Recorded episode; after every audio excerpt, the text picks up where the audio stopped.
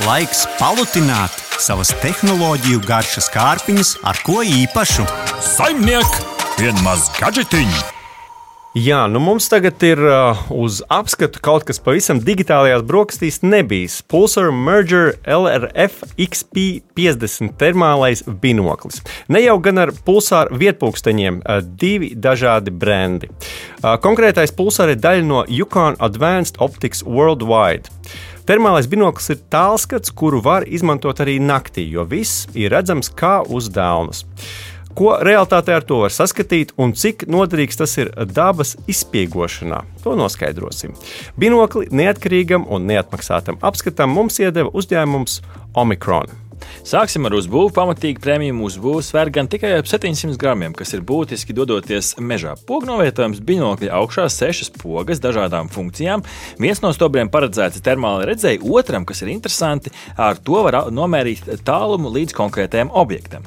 Uz kreisā stobra ir tādas, protams, regulācija asumam, kā jau parastam binoklim, gumijotas aizdars, kas to padara daudz izturīgāku pret mitrumu. Apakšā ir vieta, kur iestur, ieskrūvēt starp citu arī statīvu, ja ir foto, stabils fotostatīvs motīvs, piemēram, vēlaties doties dzīvnieku vērošanā. Un pa vidu binoklim ir arī vieta ekstra baterijai. Trīs stundas ekstra baterija, septiņas iebūvētā kopā, tātad desmit stundas lādējuma ar USB-C. Par attēliem runājot, trīs iestatīti režīmi dažādām vidēm, akmeņainām vidēm, mežam un pielāgotais režīms var regulēt dažādas funkcijas, gan spožumu, gan pievilkšanu, gan var gan fotografēt, gan filmēt. Kas ir interesanti, šis binoklis savienojās ar vietālu, tur ir lietotne, gan Android, gan iOS operētāju sistēmās. Mazs āķīts ir gan tas, ka failus telefonā ir atsevišķi pēc tam jālejupielādē. Tie saglabājās sākumā binoklī, un lai tos varētu iegūt un izmantot, tie vēl atsevišķi ir jālejupielādē, kas ir tāds mīnusiņš no manas puses. Bet mēs gan ar Rihardu esam tādi pilsētas dzīvnieki, mežā dodamies reti, tāpēc mēs piesaistījām mūsu testam un tālāko sarunu dzirdēsiet kopā ar Juri Larnovski, kurš ir gan dabas vērotājs, gan mednieks. Klausāmies! Mana pieredze. Es mēģināju viņu izmantot uh, dažādos veidos, teiksim, gan medībās, kad bija, mēs ar brāli bijām divas vakarus medību tonī pasēdēt, izmēģinājām tur, tad es pamēģināju tā, lai būtu dažādībai ar mašīnu pabraukāt apkārt, paskatīties, kur dzīvība mežā atrodas. Kopējā pieredze.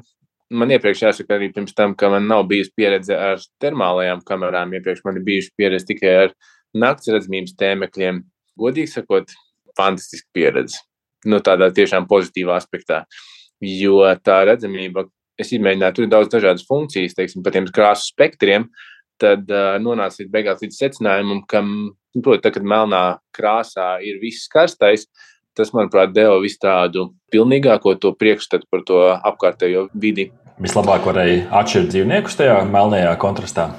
Jā, sākumā man vispār likās ārkārtīgi interesanti, ka tu, nu, teiksim, ar šo konkrēto binokli uz kaut kādiem 70, 80 metriem vari, nezinu, negrūti jau, protams, pateikt, vai tas ir kaut kāds susurs vai pele vai žurciņa, ka tu mierīgi viņu vari ieraudzīt. Sajūta bišķiņa, protams, tāda, ka tu esi tā kā ziemā, jo viss apkārt ir balts, proti, viss ir augsts, un tad tas, kas ir silts, tas ir melns, bet, nu, tā redzamība ieraudzīt, teiksim, dzīvnieku nu, nav iespējams no tā termālā binokļa noslēpties. Cik labi kopumā varēja atšķirt eh, dzīvnieku no, no, no, no pārējās uh, faunas, uh, cik, cik labi tā, tā atšķirība praktiski tur aizbēgt dzīvnieks nevar ar šo binokli? Jā, tā lieta, ka skatoties tajā termālajā kamerā, mm, gan apkārtēji, gan koki, gan zāli, gan, teiksim, man bija nu, pie tās barotavas, kur ir tāds grāvītim pāri tiltiņš ar barotavu, tu visu redzi perfekti. Protams, tā nav tā kā krāsu bilde, es tādu vairāk sajūtu kā melnbaltā, bet, ja tu iedomājies, ir tāds ārkārtīgi tumšs ziemas vakars, bet redzamība ir pietiekami laba, un tad būtībā tāds tas iespējas, ka tu skaties tajā termālajā kamerā. Un būtībā līdz ko tu skaties apkārt un ieraugi kaut ko tiešām izteikti tumšu, izteikti melnu, tad tur tas dzīvnieks arī ir. Vienīgais, kad varbūt nevar perfekti atšķirt, ja mēs runājam par kaut kādiem mazākiem dzīvniekiem, kas par sugu tā ir. Bet uh, no lieliem dzīvniekiem ieraudzīt, ka viņš tur ir, nu, to nav iespējams palaist garām. Man bija pieredze, es gaidīju, ka atnāks meža cūka, bet uh, meža cūka diemžēl neatnāca divas vakaras pēc kārtas. Pirmajā vakarā mēs redzējām īstenībā praktiski neko, kaut kādus tiešām mazos, mazos zvēriņus. tad otrajā vakarā, kad es domāju, ka nu, tu jau rakstīji, ka drīz tā teikt, termiņš beidzās, domājam par brašu piekdienas vakars, nu jābrauc. Tad atnāca sākumā āpši divi atnāca, kas bija pirmo reizi īstenībā, kad es dzirdēju, kā tā āpšu balss, varētu teikt, kas ir īstenībā gadīgi interesanti. Un tad pēc tam nāca atkal jenotsuņi. Un tad ir tas mirklis, kad es domāju, ka īstenībā varbūt tik perfekti atšķirt šajā gadījumā tās sugas nevar. Tas ir tas mirklis, kad naktsredzamības tēmeklis varbūt ir bijis ar priekšrocību.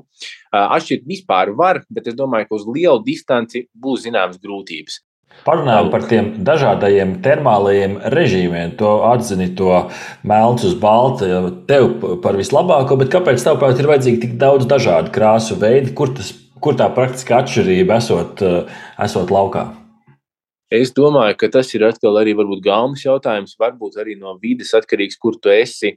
Jo nu, tādi, kas tur, ko es atceros no galvas, kas tur bija režīmi, viens ir, kad ir melns, ir karsts, tad pretējais atkal režīms ir balts, ir karsts, tad ir savukārt sēpija, ir sarkans, ir karsts. Tad ir eh, kaut kādi violetie torņi, tad vispār ir tā mm, varavīksnes krāsa, kas, protams, eh, es pamēģināju arī nobildēt un nofilmēt dažādos režīmos. Grūti pateikt, kur kādam ir priekšrocība. Es nezinu, varbūt, ka dažādās vidēs tiešām nu, dzīvokļu vidē, godīgi sakot, visinteresantākais man likās tas varavīksnes krāsas. Jo tas mirklis, kad tu domā, cik tas aparāts īstenībā ir labs, un tu saproti, ka Liena sēdēja divānā, un viņi piecerās, un tu skaties to divānu, tu perfekti redzi vietu, kur viņi sēdēja tikko. Parunājot par uh, digitālo zūmu, ja iespēju pievilkt uh, tuvumā, cik tas praktiski ir labs un varbūt cik tuvs pietuvinājums jau vairs ir neizmantojams. Ja mēs runājam par digitālo zūmu, min minimālais, kas viņam ir divi ar pus reizes palielinājums. Tas ir ļoti labs. Ar to tu tiešām redzi arī uz 100 metriem, 150 metriem. Tu vari pateikt, kas tas par dzīvnieku ir. Tiklīdz runa iet par kaut kādu digitālo zūmu, viņam ir arī funkcija tāda, ka tu skaties tajā ekrānā kopā ar divu ar pusi, un tev ir tāds mazs kvadrātiņš, kur, teiksim, tu vari mainīt 5, 10, 15, 20, ja nemaldos. Nu, lūk, tad pieņemams, manuprāt, vēl bija piecinieks. Tajā mirklī, kad ir 10, 15, tas viss paliek jau tik graudaini, es vienkārši neredzu tam īsti lielu nozīmi. Jo divi ar pusi, manuprāt, nu, uz tādām šaujamām distancēm kā 100-150 metri ļoti labi. Cik labi uh, strādāja šī funkcija, kad tu nofokusē to sarkano kvadrātiņu uz mērķi, un tas uh, binoklis mēģina nomērīt to attālumu. Tas, tavuprāt, vienmēr nostrādāja, vai, vai, vai tomēr tur arī ir vēl kur piestrādāt? Nē, ideja kā tālmēram ļoti laba. Kas varbūt pāris lietas, kas vispār īstenībā tam binoklim uz nerviem bišķiņ krīt.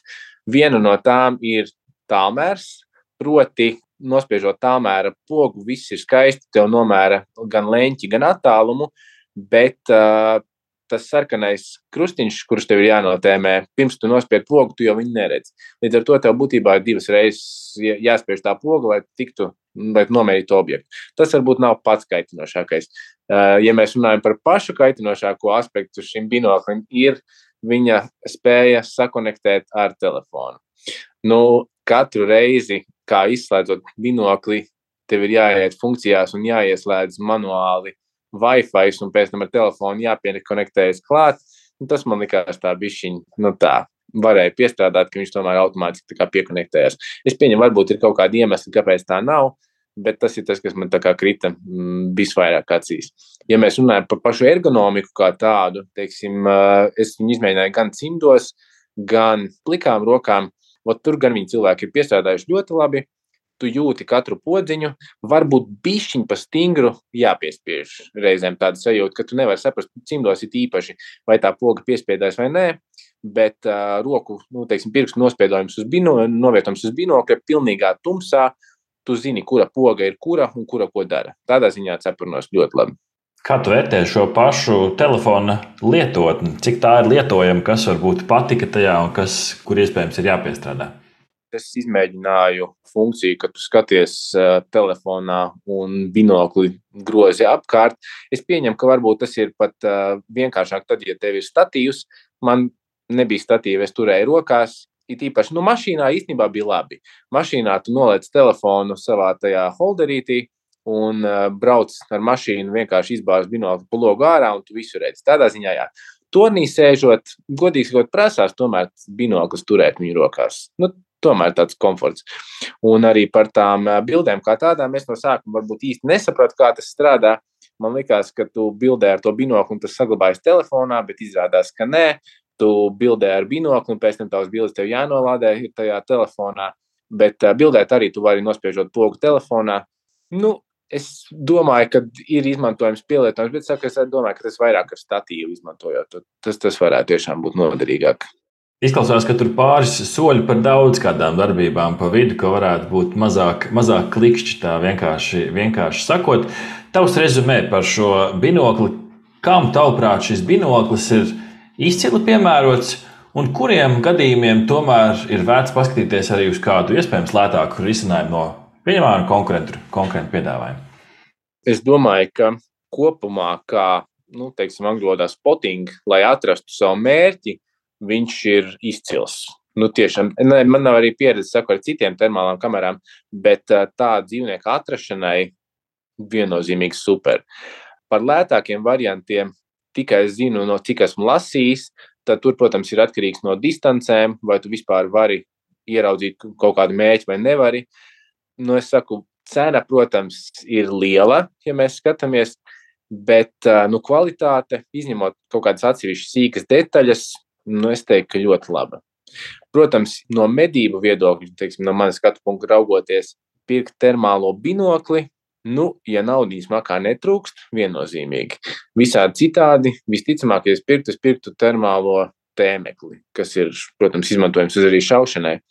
Bet, ja finanses atļauj tādā tīri kā medījuma atrašanai vai tādā dzīv, medījumā dzīvnieku ieraudzīšanai, es teiktu, ka ļoti labi izvēle tāpat kā ar visām medību precēm, ir tas pamatiņš, tad ir tā vidusklase un tad ir šiks.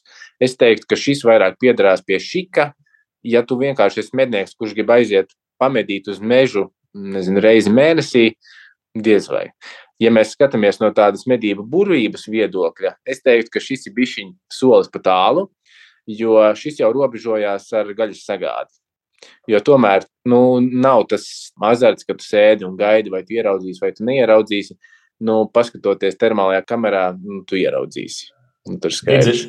Līdzīgi kā ar video spēlēm, kad tu ieslēdz wallhacku, ja redzēšanas ar sienām, nu, trāpīt jau varēs, bet prieks ar laiku nebūs, nebūs tas, vai ne? Tieši tā, precīzi īstenībā tāda sajūta, ka tu bišķiņ krāpies. Vēl no mūsu puses, pirms noslēdzam apskatu, kas patīkami pārsteidz un kas jāzina pirms pirkuma. Pats arī diezgan daudz patestēju šo te, uh, binokli. Uh, un kas ir interesanti, kas patīkami pārsteidz, ir ekrāniņš, kurā tu skaties, ir iebūvēts iekšā binokli. Varētu šķist priekš kam, tā vienkārši uzliekam ekrānu un lieta darīt. Izrādās, ja tu dodies naktī mežā, tev negribās, lai tava seja ir izgaismot, jo dzīvniekiem ļoti jutīgas acis. Attiecīgi, tu skaties iekšā binoklī, seja tev nav izgaismot.